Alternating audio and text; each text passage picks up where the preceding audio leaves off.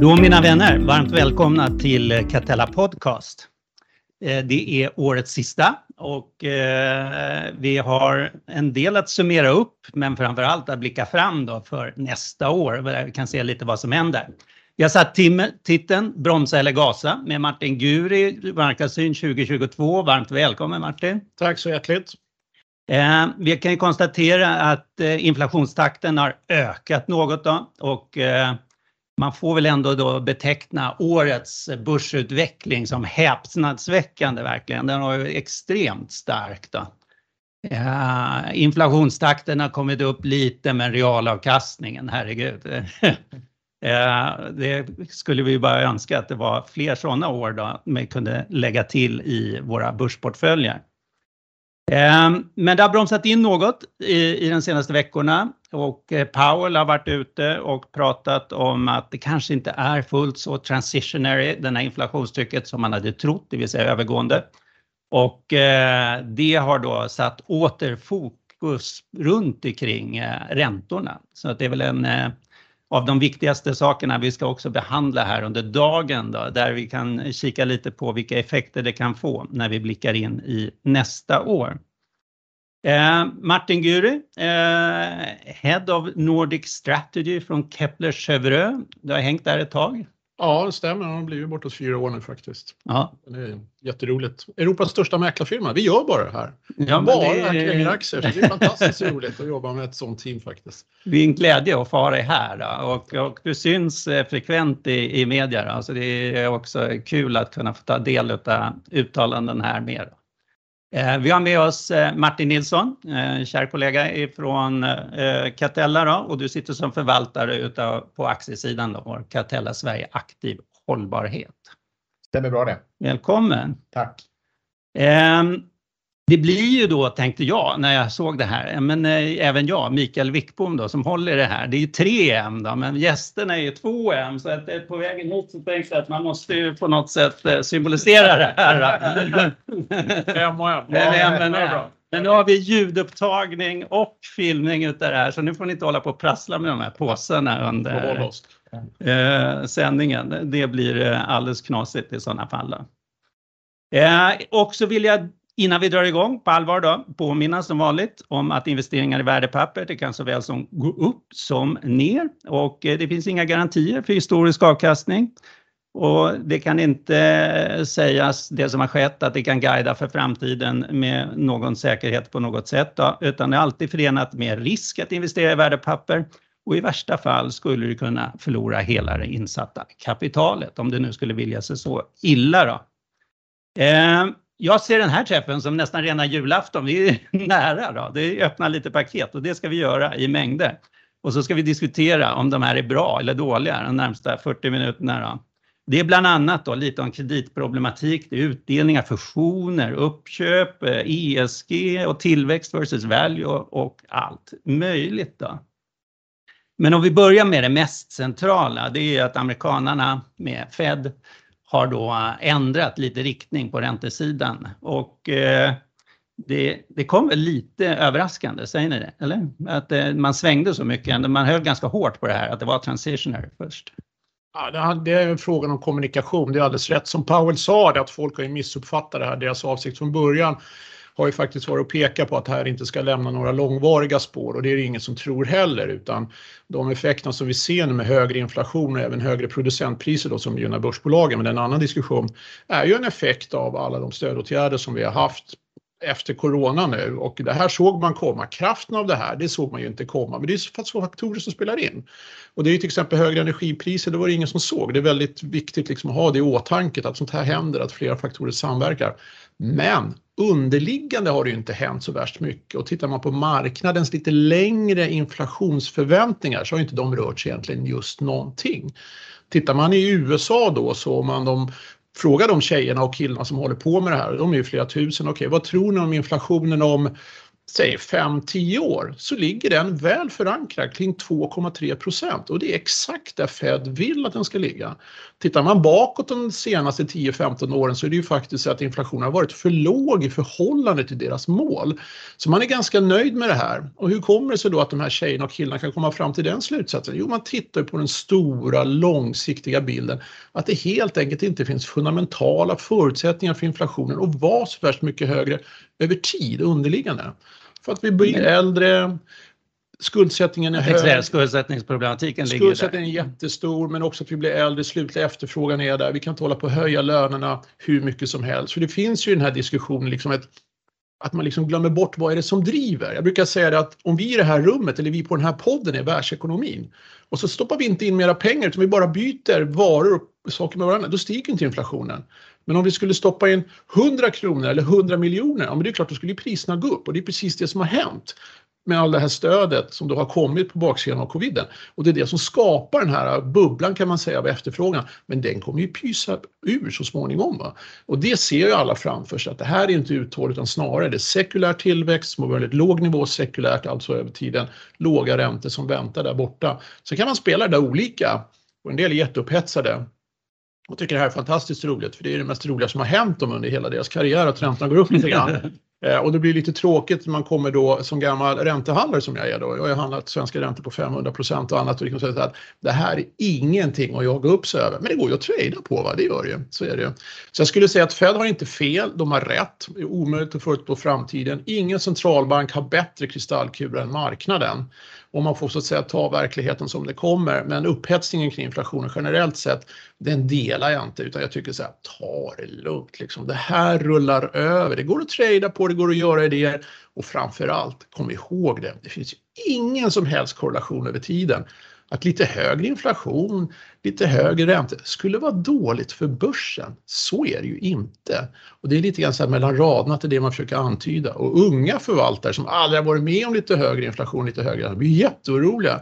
Då får man bara säga det, ta det lugnt, sitt ner, bolagen fixar det här. Så att, eh, jag tror inte man ska äta upp sig så värst mycket, men media är upptagna med det här och alla gör den spinnen. Ja, men det är ju höga tal. Alltså, vi har ju uppåt en 5-6 procent i ja. USA. Det, det har ju höjt minimilönerna. Det finns ju ett tryck och ändå har vi ju sänkt löner eller vad ska vi säga, sänkt kostnader kan vi säga i 30 års tid genom att flytta ut produktion i andra länder och så, men det racet är ju över. Eh, ja, men det är, det är ju då en om man, om man ska vara riktigt seriös och ta det då från, från akademiska sidan då, så att det är inga problem så länge lönerna stiger om det ökar produktiviteten lika mycket. Mm. Om jag får 10% mera lön och jag producerar 10% mera grejer, det jag gör, då är inflationen noll i princip.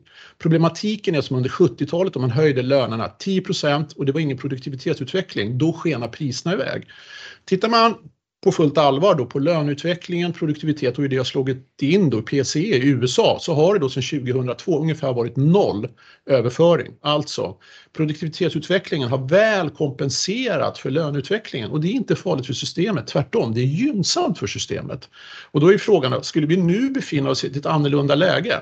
Nej, Tittar man på inflations... Eller Men produktivitetsökningen, ska den drivas av teknik då? Fortsättningsvis ja, tänker du i ja, första hand? Ja, det, det är mycket. Det är en kombination då. Det är ju självklart massa olika faktorer. Men hittills ska vi säga då att ta då förväntade löneökningar, för det är ofta det man kommer tillbaka till, nu skenar lönerna iväg. Det är ingen fara. Två, det finns inga sådana förväntningar. Man måste också skilja på Europa och USA. Europa har en väldigt starkt förankrad kultur av att det här gör man upp i kollektivavtal tillsammans med fackföreningarna. Och då måste jag göra en liten rop redan här då. Så liksom, hur tänker fackföreningarna? Jo, fackföreningarna då, det är medlemsklubbar. Ja. Det är så, de är beroende av medlemmar, de vill ha många medlemmar. Under 70, 80, 90-talet när det var hög inflation, jobben flyttade ut, och förlorade man medlemmar. Och så satte man sig ner vid bordet och sa, vad ska vi göra åt det här? Då kom man fram till det, ja, vi ska behålla jobben här. Mm. Så vad man kom överens om är samma sak i Sverige som i Europa så har det 1 real löneutveckling är jättebra, realt alltså efter inflation. Vilket gör att lönekostnadsökningen har legat mellan 2,5 och 3,5 procent i Europa och i Sverige har märket då som är utgångspunkten för alla legat kring 2,6 procent och ligger fortfarande. De senaste undersökningarna från Prospera som kom ut från räntescenen ligger kvar där. Det är ingen som tror att lönerna ska stiga. När jag pratar med mina tyska kollegor, ingen som tror att lönerna ska stiga uthålligt. För det finns inte det utrymmet och fackföreningarna vill inte det heller heller. För då flyttar jobben ut och då urholkar man köpkraften och då förlorar de också på det här. Så man vill ha balans, ordning och reda. Att det stormar ett sånt här år som vi har bakom oss, ja, det kanske innebär då, tror jag personligen, det blir mycket strejker i vår. Mm, det får vi räkna med och vi kanske får ett avtal då som är lite högre. Så att vi kanske får ett märke som går närmare tre i Sverige, men det kommer bli korta avtal. För alla säger att bakom den här pucken som befinner oss så kommer det snarare vara fortsatta utmaningar som är helt i likhet med det vi ser 2019. Så börjar man gräva i det där så finns det ju väldigt ja, goda skäl till varför räntorna inte... Det är väldigt god poäng liksom det, att vi här i Norden, eh, vi har ju löneavtalsrörelse ja. så att det, vårt är mer eller mindre spikat ja. redan för den närmsta tiden. Det är inte som en löneinflationstryck. Nej. Men vi skulle kunna få importinflation eftersom USA inte har samma eh, eh sits. Då. Så att det, ja, men, det skulle ju kunna finnas ett tryck. Men jag lämnar över till den andra Martin. Ja. Delar du syn, Martin Nilsson? Till viss del. Ehm, jag definierar mig inte då som en av de här yngre förvaltarna utan får väl hamna i något så här mellansegment. Men det, det är ganska fascinerande år där vi står med den inflationen vi har i ryggen och så den amerikanska tioåriga räntan som alla sitter och tittar på eh, pikade ur egentligen i våras. Och då hade vi en väldigt stor eh, rotation från tillväxtaktier som har haft en fantastisk utveckling under en längre period till mer värdeorienterade. Men sen efter det så har ju räntan pyst ut och sen har det legat i ett intervall någonstans 1,2 till 1,6 resten av året och nu kommit ner lite på slutet och kanske framförallt på grund av den nya eh, covid-mutationen som gör folk lite mer osäkra. Så att eh, jag, jag, jag, jag förstår fullständigt din poäng. Det som gör mig lite orolig är ju liksom eh, när man väl har fått in inflation i systemet så kan det liksom få Eh, följdeffekter om man säger så. Och det kan jag tycka är lite oroligt. Samtidigt så är det så här, det är ett fantastiskt börsår. Det är en fantastisk vinsttillväxt vi har bakom oss. Visst, det är drivet av att vi kommer i en återhämtningsfas efter covid. Men företagen har ju klarat av problem med halvledare, problem med kostnadsinflation, stålpriser och de har generellt sett, och inte bara, pratar vi inte bara Sverige utan i stora delar av, av världen så har de ju levererat fantastisk vinstutveckling. Eh, så företagen mår eh, förbaskat bra helt enkelt och det tycker jag är imponerande. Ja. Och det är ju charmen också, för återknyta till inflationen och producentprisökningarna. Jag har då fått förmånen att träffa hundratals förvaltare under hösten som i sin tur har träffat många hundra företag och alla säger att vi kommer höja priserna för nu är det okej. Okay. Yeah. Bolagen var lite långsamma på bollen men det är ju så att jag brukar säga att det här smörjsystemet.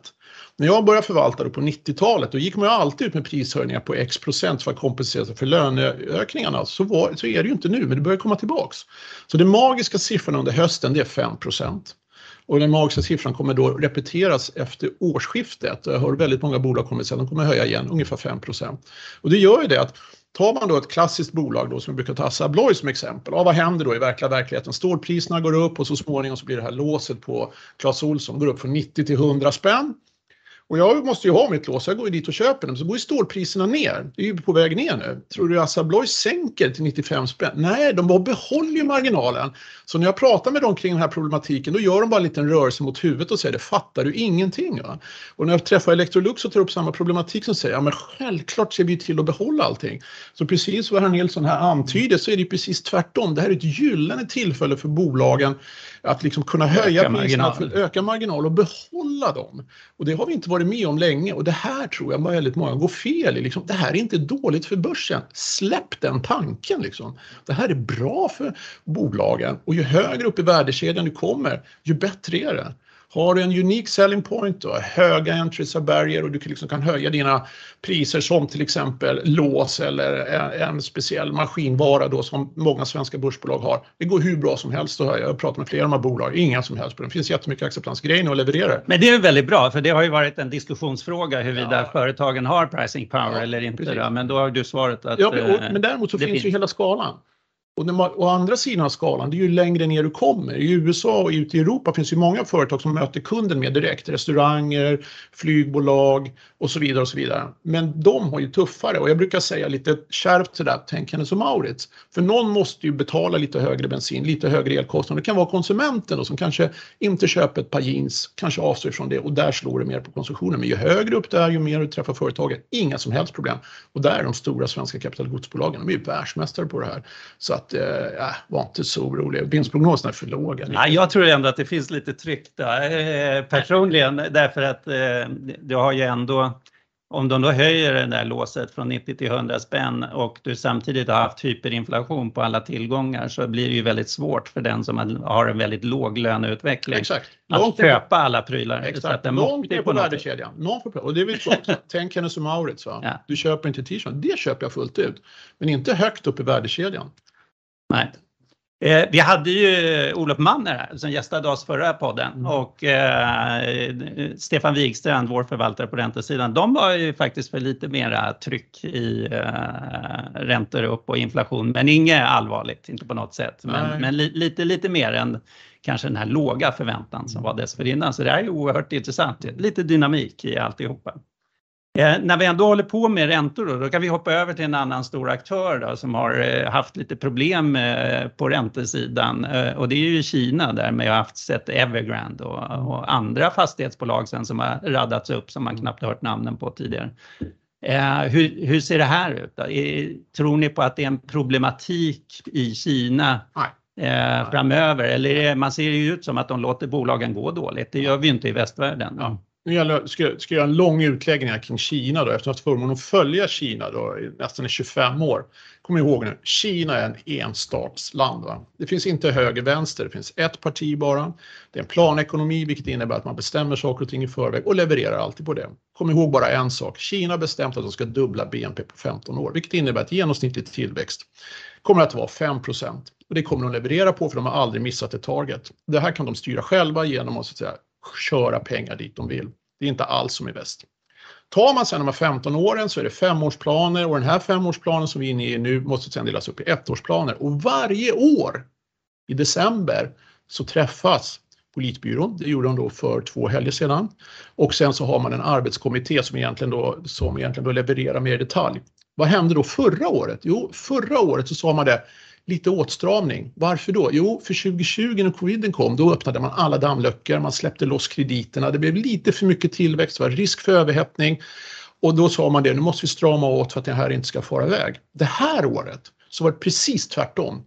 Nu sa man det, vi gick lite för långt, det blev lite för tufft och tittar man då på den här typen av formuleringar som de har så är det väldigt tydligt då att man kommer då sätta igång med en ökad kredittillväxt nästa år för det har varit åtstramande i år.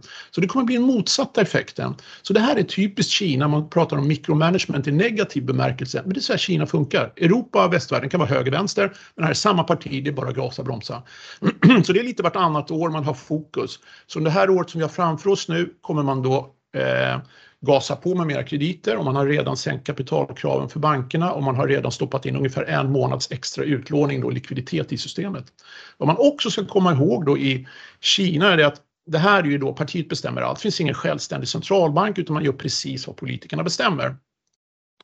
Och man levererar på de målen som är. Och det innebär ju också det att det är kvoterad utlåning. Det låter lite konstigt då för att det är ju så att man kommer till Kina och pratar med bolagen, då kan liksom pengarna vara slut på banken i november. Liksom, det går inte, man får vänta till januari.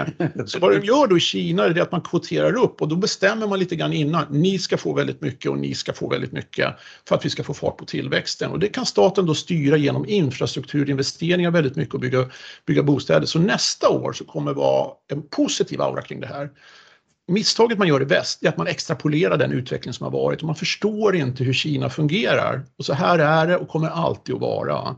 Så det kommer men det låter ju lovande. Då har vi alltså ett expansivt år framför Precis. oss där. Men det kinesiska nyåret är i februari någon gång. Precis, men det är nu det kommer börja. Men sen kommer ner detaljerna. Och jag kan också göra en liten loop där kring Evergrande, för här finns också då i god China-bashing-anda då mycket missförstånd vad som händer i Kina. Den stora agendan i Kina det är självklart att landet ska växa väldigt mycket, väldigt mycket urbanisering och för detta har politikerna då sagt liksom vi måste ha någon som gör det här möjligt. Okay. Local government säljer land och entreprenörerna får bygga hur mycket som helst och bankerna ska låna ut hur mycket som helst så det här ska ske. Vad de gjorde förra året för att motverka då att det blir instabilitet i systemet, ren liksom riskmanagement, de sa det okej, okay, vi ser att byggarna har dåliga balansräkningar. Vi sätter upp tre kriterier, three red lines. Och det var bland annat att man ska ha en viss mängd eget kapital, man får inte ha för mycket hävstång och tillgångsmassan i förhållande till eget kapital måste uppfylla en viss norm. Och så börjar man trycka igenom vanlig kreditprövning, alla byggbolag och före Evergrande var det massa bolag som gick i putten för de var helt enkelt för dåliga. Och så kom den här jätten och fastnade. Och det är precis som nu har det kommit andra bolag. Det här är helt medvetet.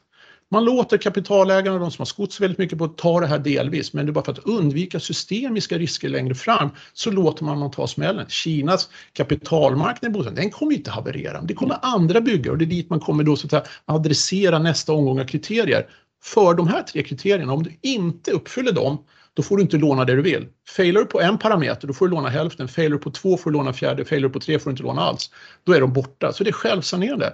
Och det är väldigt få i väst som har förstått det här. Men det är så det kinesiska system fungerar. Så med Evergrande kan man säga så här, ja ah, bra att det skedde nu. De fixar det här. Ja, men det är väl eh, ofta så är det väl att man tar en smäll är många gånger bättre än att sitta och understödja ja. evigheter. Martin, du har ett litet inhopp här. Vad tycker du om eh, de sakerna man gjorde framförallt på techsektorn under sommaren?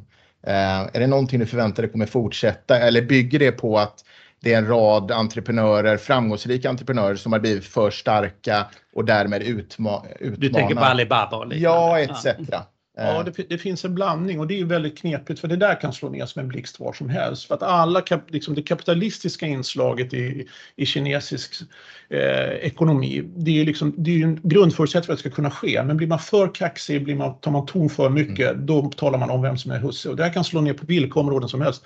Och vi har ju en rad områden. Jack Ma har försvunnit, mm. Alibaba har fått stryk, Tencent är på väg ut, man har ju förbjudit engelska lärare helt plötsligt för det var orättvist, man har synpunkter på hur popstjärnorna ska se ut, man har synpunkter på hur män ska uppträda i mm. TV och massa sådana mikromanagement. Och det är en del liksom av den kinesiska kulturen som är väldigt svår att förstå.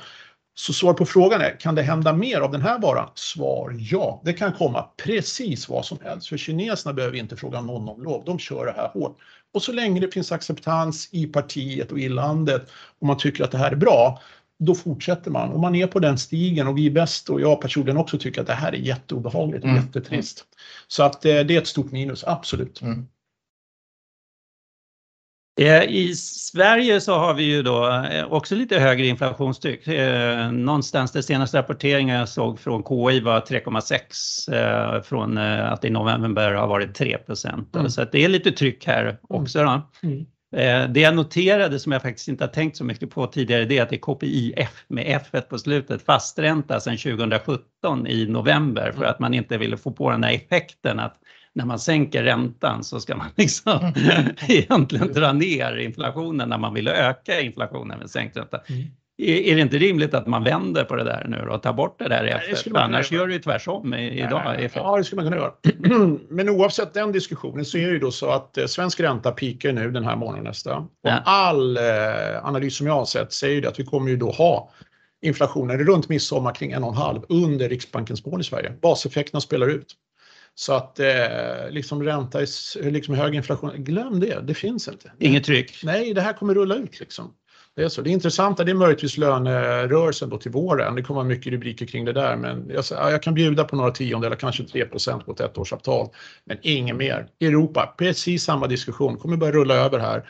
Och eh, både topline och underliggande kommer då gå under target. Och det är därför Lagarde står där. Liksom, bara, ta det lugnt. Ja. Det här finns inga förutsättningar. Liksom, och någon stagflation som också har poppat upp här under året emellanåt, det finns inte med på kartan. Ja, man, ska, man ska väl aldrig svära sig fri sådär, men det, det verkar väl inte så. Jag tycker ändå underliggande motor funkar ju bra. Det ser ju bra ut inför nästa år i alla fall. Ja. På lång sikt får man ju se, det är en annan diskussion faktiskt. Men även i det klimatet så klarar sig alltid börsbolagen bra. De landar ju alltid på fötterna högst upp. Det är ju så. Det är inte folket som har lite jobbigt. Vi har haft, eh, som nämnde inledningsvis, då, oerhört stark eh, börsutveckling under året eh, och eh, det här har väl varit lite blandat, eh, vad, vad, som har dragit och vad som inte har dragit. Då. Eh, bland annat har det ju varit en rotation mellan value och growth just med anledning av räntesidan. Då, så att så fort det känns som att det är lite räntetryck eh, uppåt så blir det lite mer value och så fort det dämpas så är det happy days igen eh, för growthbolagen och då vill vi ha tillväxt och är beredda att betala högt för det. Då. Mm. Hur ser ni på 2022 i den här rotationen? Kommer det pendla fram och tillbaka under året. Eller du kanske Martin nästan tror starkare på att inflation är inget jätteproblem så att det kommer vara tillväxtår och tillväxtaktier i fokus. Eller vad säger ni? Om jag ska börja då så tror jag absolut det. Att vi hade den här diskussionen i Sverige som var relativt ny, det var ju rätt oväntat, men det hänger ju väldigt mycket ihop med att det är ju väldigt mycket då programhandel, väldigt mycket algosar och mycket Eh, investerings kan man säga filosofier som är programmerade efter det här. Och det är USA som leder och det här försöker liksom det smittar in då som en pisksnärt i Europa och även upp till Sverige där man egentligen inte kan implementera det för vi har för få bolag. Men det smittar här i alla fall. Så det är mycket trendföljande. Så det är USA som sätter agendan. Och det är klart när räntan då i USA gick från 1 upp till 1,70 då blir den här rotationen. För det är en högre diskonteringsränta man räknar med. Och även om ingen tror att det ska bli så på lång sikt så är det någonting att trada på. Algosarna driver det här.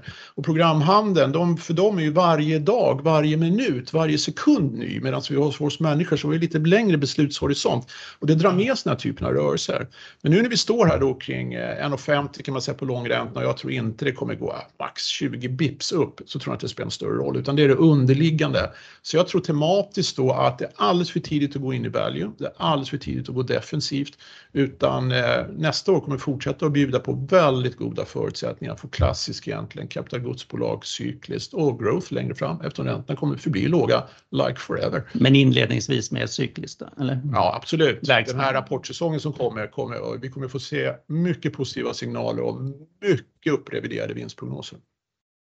Ja, det är lite det du säger då. Är det komptalen som också är låga eller är det framför allt då att man lyckas få igenom lite prisökningar och så? Det är en kombination av att efterfrågan underliggande då som egentligen inte kommer fram på grund av alla flaskhalsar och de problem då som Nej. finns och kunna leverera långa orderböcker skapar ett enormt tryck. Och det andra är att i det klimatet så kan man ju höja marginalerna eller åtminstone försvara dem. Så det är ju två, två saker som kombinerar positiv riktning. Det är då stark efterfrågan och goda marginaler. Och det är ju ett fantastiskt fönster. Det här kommer ju självklart gå över, det kommer ju släckas, men just nu är vi här. Och det här tror jag nästan de allra flesta underskattar och har gjort under det året som har gått, för det har vi sannolikt sett i de vinstprognoser som har eh, milt sagt överraskat positivt. Martin Nilsson, håller du med eller är du lite mer value-inriktad? Jag, jag, tror att där vi är just nu i konjunkturen så, så handlar det inte så jättemycket om man ställer sig i value eller tillväxt, utan det handlar väldigt mycket om underliggande bolag. Vad kan man leverera för förvärv, tillväxt? Klassisk ja, klassisk stockpicking. Jag, om du tvingar mig att, att, att, sätta mig i ett läge så skulle jag absolut säga värde, men, men jag tror inte på det, utan jag tror vi är där, där vi är just nu. Eh, tittar vi till exempel på rapportsäsongen för det tredje kvartalet. Har du en extremt hög multipel och inte kommer med en bra rapport, då får du stryk i dagens börsklimat och du får stryk rejält. Alltså vi snackar att din aktie kan gå ner 20-25% på några dagar. Det är de rörelserna. Rörelserna går så förbaskat fort just nu så det är helt otroligt. Men inte det de högre värderingarna också? Jo, men, men sen, sen, sen, är det också ett fokus, sen är det också ett fokus på kassaflöde. Om man tittar på det, en av de sämsta, sämst, sämsta sektorerna under den senaste tiden så är det ju svensk biotech om man säger så. Ja, det är ju lite, det är många bolag som kommer bli framtidens vinnare och vissa bolag kommer säkert inte finnas kvar. Det är lite ettor och nollor och de ska komma med nyheter. Bolagen har oftast inga kassaflöden utan beroende av extern finansiering eller stark balansräkning. Det är en, en sektor som, som har haft väldigt mycket negativa, eh, negativt nyhetsflöde men också där folk har skyggt. Och det tror jag är bolag som folk fortfarande kommer vara väldigt försiktiga med. Så jag tror inte på det där risk all in, eh, utan jag tror att det är väldigt mycket en bra stockpicking miljö underliggande tillväxt, underliggande vinstutveckling och sen om det är värde eller tillväxt, ja, det får vi se. Men jag tror det är för enkelt att göra den beräkningen för nästa år. Eh, sektormässigt då, vad är det i sådana fall? Då? Finns det någonting som du föredrar? Jag, jag tycker verkstadsbolagen, många verkstadsbolag tycker jag fortfarande ser eh, väldigt attraktiva ut. Men då får man på något sätt, det är också lite för enkelt att bara säga verkstad rakt av. Men tittar man på ett bolag som till exempel ett, ett företag som jag gillar, eh, Trelleborg, så är det ett företag som handlar med ungefär en rabatt mot resten av sektorn på 30-35 procent. Har gjort en enorm omstöpning av bolaget, renodlat företaget, gjort sig av med inte bara dåliga enheter utan också ohållbara eh, enheter.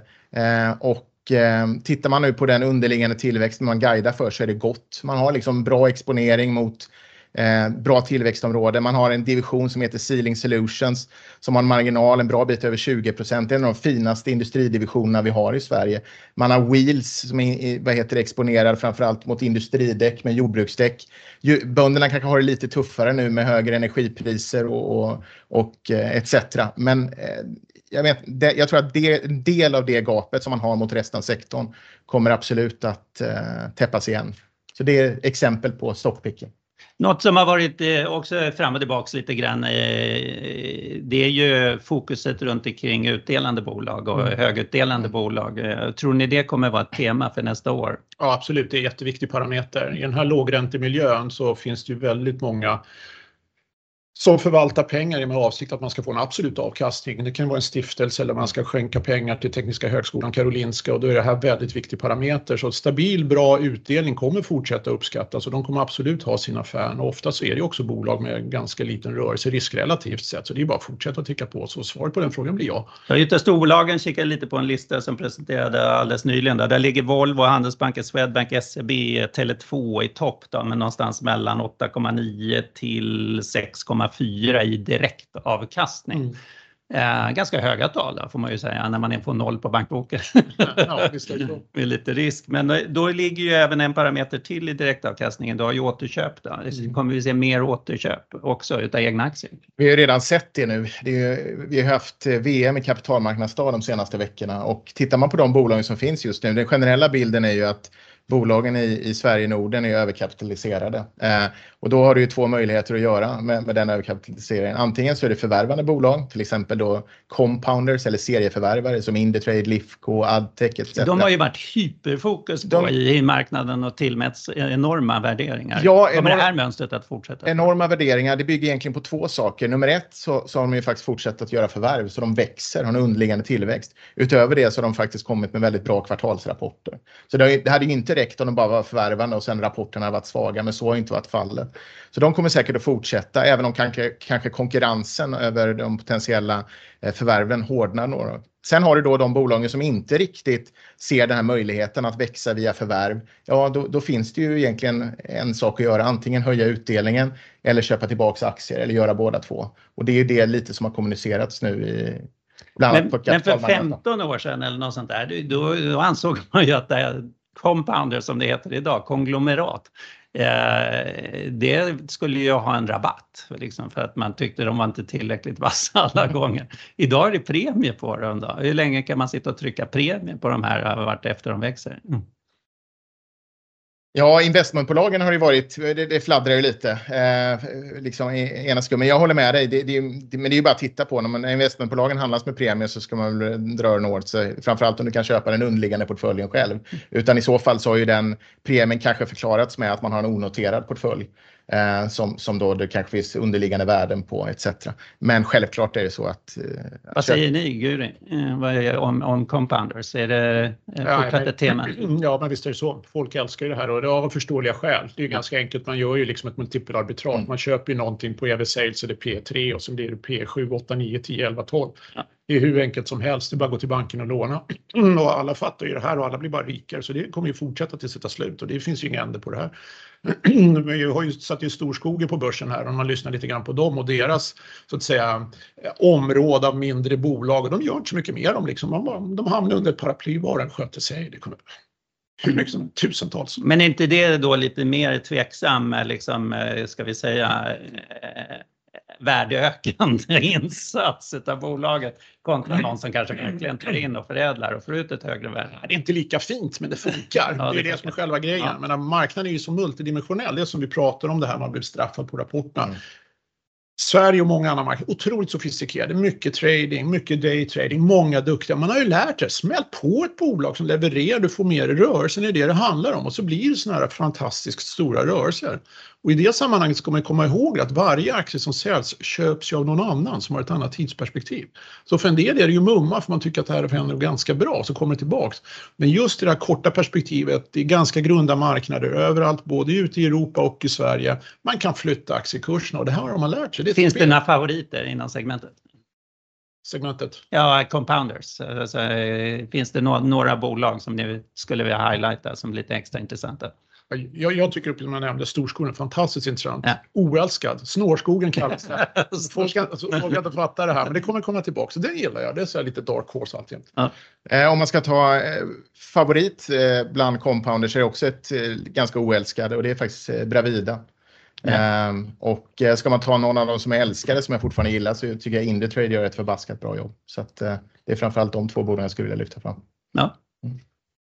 Eh, Bravida, bara nå- något två ord om vad är det? Det är skötsel av fastigheter kan man säga. Installation och eh, service ungefär 50-50. Eh, bolaget köper upp eh, likt då compounders. Men till skillnad från de flesta då, de kopplar inte bara på ett bolag utan de byter faktiskt ut namnet.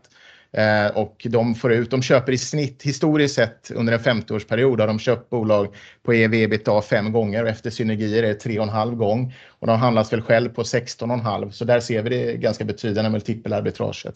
Men det är en, ett bolag som finns i eh, Norden eh, och fokuserar på det, är, är marknadsledare. Men det är bra, då touchar vi ju ett annat segment som har gått oerhört starkt under året och man undrar kan det här fortsätta när man ser att inte alla be- kanske behöver lika mycket kontorsytor och butiker och har lite småtufft och fastigheter.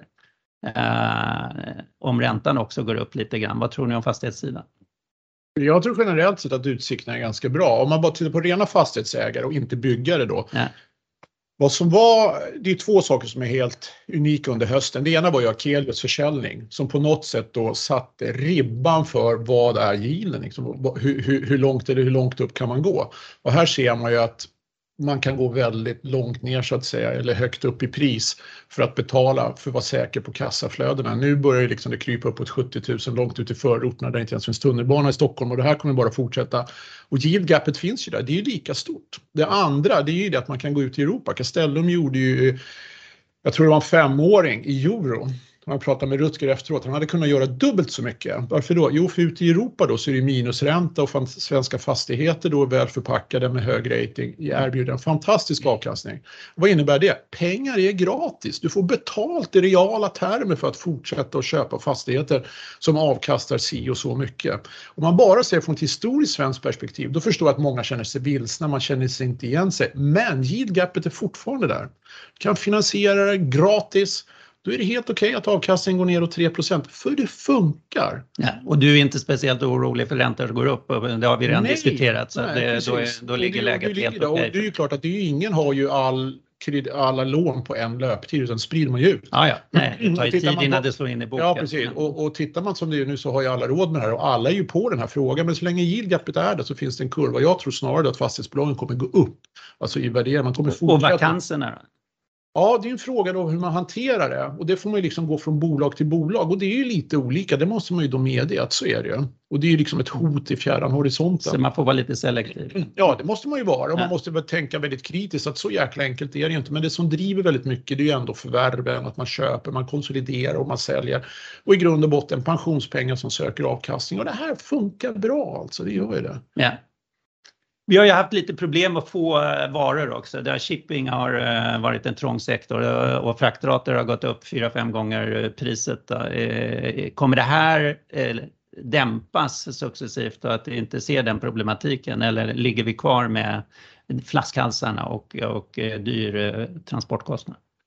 Tyvärr ser det ut så just nu att det kommer att vara så ett bra tag till. Ja. Eh, Alla mina vänner i Norge jublar. Du kan köpa i princip vilket shippingbolag som helst inom vilket segment som helst. Torrlast, bulk, container. Det ser fantastiskt bra ut. Ja. Det finns helt enkelt för lite eh, kapacitet. Kapacitet. Och eh, bakgrunden, det är återigen tillbaks till det här vad man gjorde när coviden kom då. Alla glömmer bort i den här ekvationen. Det var som i USA, så mycket stimulanser. E-handeln gick upp 30% på ett år. Det finns inget liksom, system som är byggt för det här. Alla båtar är upptagna. Nu har man ju gjort så med de här båtarna som ska till Los Angeles och amerikanska västkusten då att nu får man så att säga en köbiljett redan ute på havet när man lämnar sin avgångshamn. Men de senaste siffrorna jag såg för någon dag sedan så är det ju faktiskt mera båtar ute som väntar på att bli avlastade eh, i Los Angeles än vad det var för ett halvår sedan. Och så ska man säga, om hur mycket är det då? Bara containers som ligger och väntar på är alltså över en halv miljon containers. Och kapaciteten i Port of Los Angeles ligger på knappt 20 000 om dagen.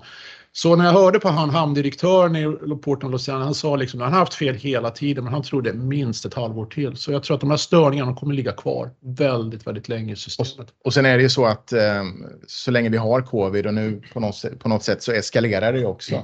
Så är det ju problematik. För Kina var ju ganska snabba nu när, när den här nya versionen kom och införa nya restriktioner och regler för till exempel hur sjöman skulle hantera så länge de var tvungna att sitta, sitta i hamn när de kom in, att de inte fick byta fartyg ute på havet etc. Vilket de också, också gör. Så det medför ju liksom komplikationer i hanteringen av, som inte handlar bara om liksom efterfrågan och kapacitet utan handlar om andra saker också. Och det, jag, jag tror att problemet kommer finnas kvar under... Varje, varje gång det är lite happy days are here again så eh, brukar ju redarna bli glada och beställa en massa nya fartyg men det tar lite, tid innan man har hamrat ihop de här. Mm. Men, men, eh, men de, orderna är på väg upp, ja, så är det. Det borde rimligen... Men också bolagen har reagerat, för bolagen såg det här komma redan i somras. Mm. Vad som har hänt också i det stora spelet är att man börjar, man börjar ge order just in case, inte bara just in time. Så det finns ju en enorm överordergivning. Ja. Alltså man beställer för mycket grejer för man vet inte. Julen är viktig, leveransen är viktig. Ja, det, kan bli en hel del cancelleringar. Ja, ja, det kan det ju bli. Men också just nu så är ju då trycket onaturligt stort. Så vi är återigen då i ett fönster som är en konsekvens av coviden igen som vi kommer dra med oss långt in i nästa år. Så det får man Ett stort segment av transport är ju råvaror. Då. Mm. Och råvaror, eh, där har vi ju sett inte minst energi i, i blickfånget. Mm. Men även alla typer av råvaror har det ju varit ganska mycket tryck på då, när vi då efter covid har beställt väldigt mycket. Eller under covid-perioden och, och, efter den värsta smällen då, så, så har det blivit eh, bra tryck. Eh, råvarupriser och så. Eh, du nämnde tidigare att du trodde att det skulle falla tillbaks lite grann. Där det är en blandad bild så är det. Efterfrågan kommer att vara fortsatt väldigt, väldigt stark. Ja. Så är det ju. Och det är ju ta till exempel ta gruvor och de svenska bolagen som är relaterade, de som levererar utrustning och även nere i gruvhålet, typ Boliden. Det har ju underinvesterat så de är inte ett minsta orolig för. Sen ja, där har du koppar i stor utsträckning så ja, det kommer precis. behövas mycket till regleringen. Ja, vi känner ju till den problematiken eller, och det har ju då inte förändrats. Men i takt med att klart konjunkturen mattas av, och då pratar vi om plus ett år så det är klart att det kan bli annorlunda. Men inför nästa år så tror jag snarare då kanske då att det kommer vara ett överraskande Här hänger ju väldigt mycket på det du nämnde om Kinas planer. Då. Mm. Eh, om de ska vara expansiva så ja. behövs det väl lite mer råvaror? Eller? Ja, precis. Och jag tror framförallt marknaden kommer börja trada på det. Man kommer ja. börja se det här när de här kreditsignalerna kommer igenom. Det kommer manifestera sig mer utlåning. Man kommer sätta igång mera byggprojekt. Man kommer sälja mera land och så vidare. Då fattar folk att här kommer det behövas allting liksom från cement, tegelsten, koppar till eh, maskiner, lastbilar som ska fixa det här. Då kommer kicken och eh, ja, vänta inom två månader tror vi det. Och sen är det ju en jättetrend också med, med själva hållbarhetsaspekten på, på till exempel koppar. Det kommer ju vara en jättefaktor när det gäller efterfrågan som kommer driva efterfrågan under en längre period. Alltså vi behöver vissa av de här metallerna som till exempel framförallt koppar kanske men också nickel etc. för den här industrialiseringen och omställningen. Eh, och tittar man på gruvindustrin så jag menar den har ju inte Tittar man på normal gruva så går ju halterna ner successivt. Alltså du måste ta ut eh, mer malm för att få ut x antal ton metall hela tiden. Och eh, exploateringen för nya gruvor tar tid, det är miljötillstånd, eh, påverkan på miljön etc. Så det har inte byggt så mycket kapacitet.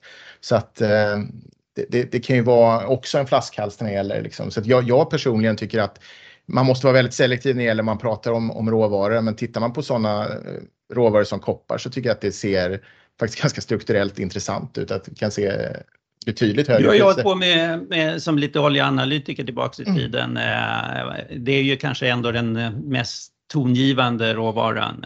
Eh, vad, vad tror du om prisutvecklingen inom det området? Mm. Ganska svårt att säga. Sådär, tittar man på, på den utbud och efterfrågesituation vi har i dagsläget så är den ju tajt. Eh, väldigt tajt eh, och oljebolagen investerar ju kanske inte utifrån den premissen längre. Att, jag menar, de gör det också av hållbarhetsskäl. Alltså de bygger vindkraftverk eller håller på, de allokerar inte kapital till, om till, till den här sektorn. Men det som är lite wildcard, det är ju på något sätt eh, en, och det är ju amerikanska oljesands, eh, eller shale oil-industrin. Ja. Om de kopplar på igen, vilket skulle vara för världen extremt destruktivt tycker jag, för att det är en, liksom, en otrolig miljöbov. Men eh, de kan ju göra det. Problemet som de hade tidigare är att många bolag gick i konkurs. Många bolag var extremt skuldsatta när oljepriset föll under, under covid-perioden.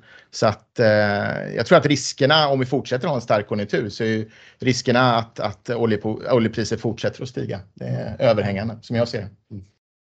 Mm. Um, stora respektive små bolag. Uh, det, det har ju varit ett jäkla tryck på småbolagen. Då. Vi har ju två, uh, ja vi har ju en fond som både går mot, uh, en som går mot mest stort, en som går mot småbolag och sen har vi en indexfond som också fångar upp småbolag och då ser man att som indexfond så är ju det en av de vassaste i marknaden mm. eftersom du har med hela den här småbolagseffekten.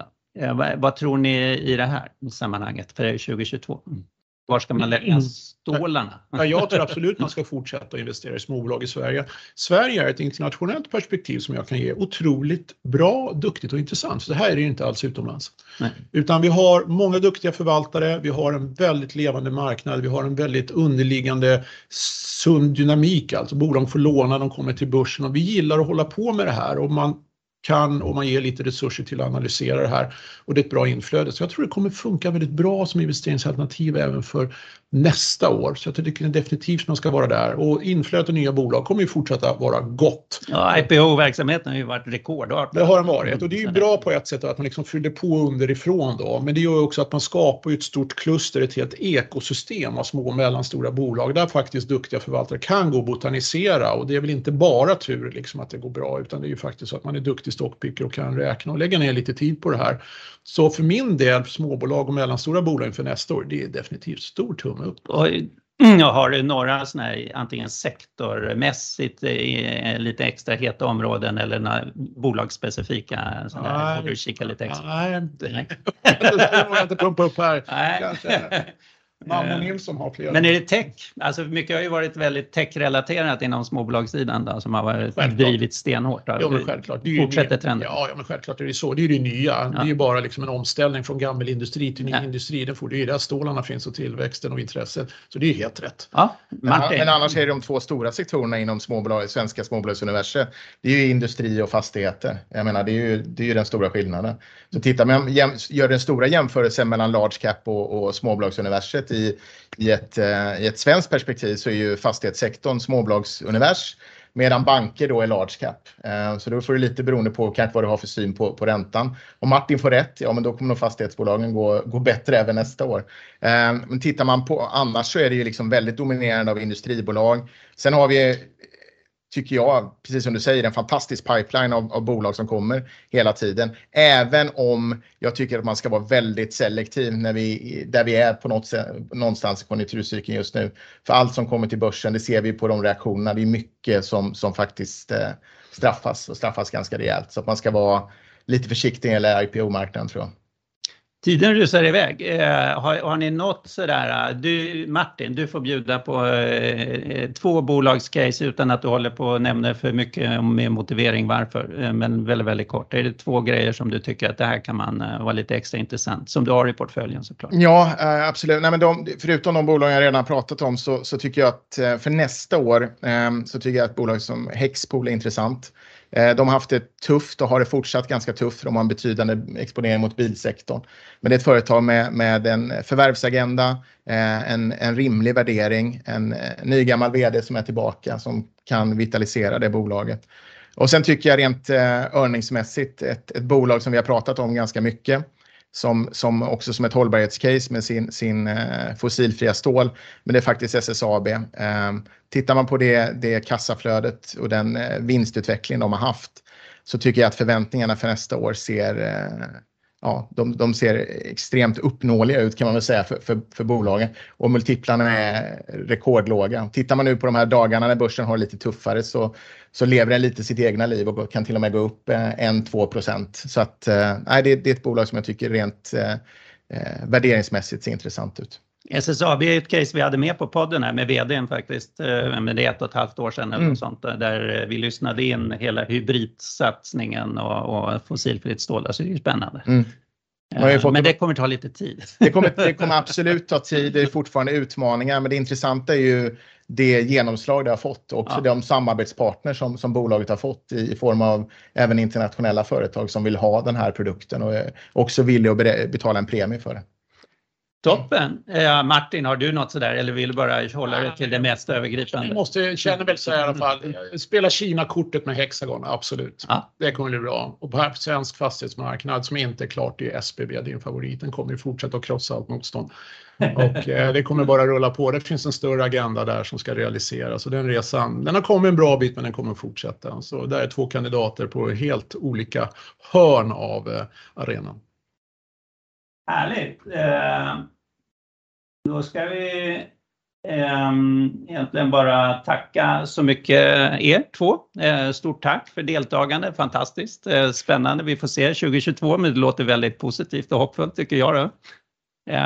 Så att återigen ett förväntningsmässigt ett bra börsår. Då. Tack så hjärtligt. Tack så jättemycket. Och så ska vi öppna för den som vill då, ställa någon fråga kanske live då. Vi ska se om vi kan få till det här. Um.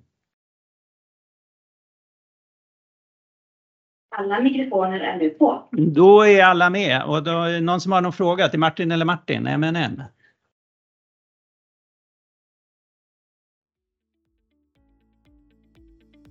Har vi någon lyssnare som har någon fråga? Då är det bara att ställa den. Nej, det var något ja till något annat.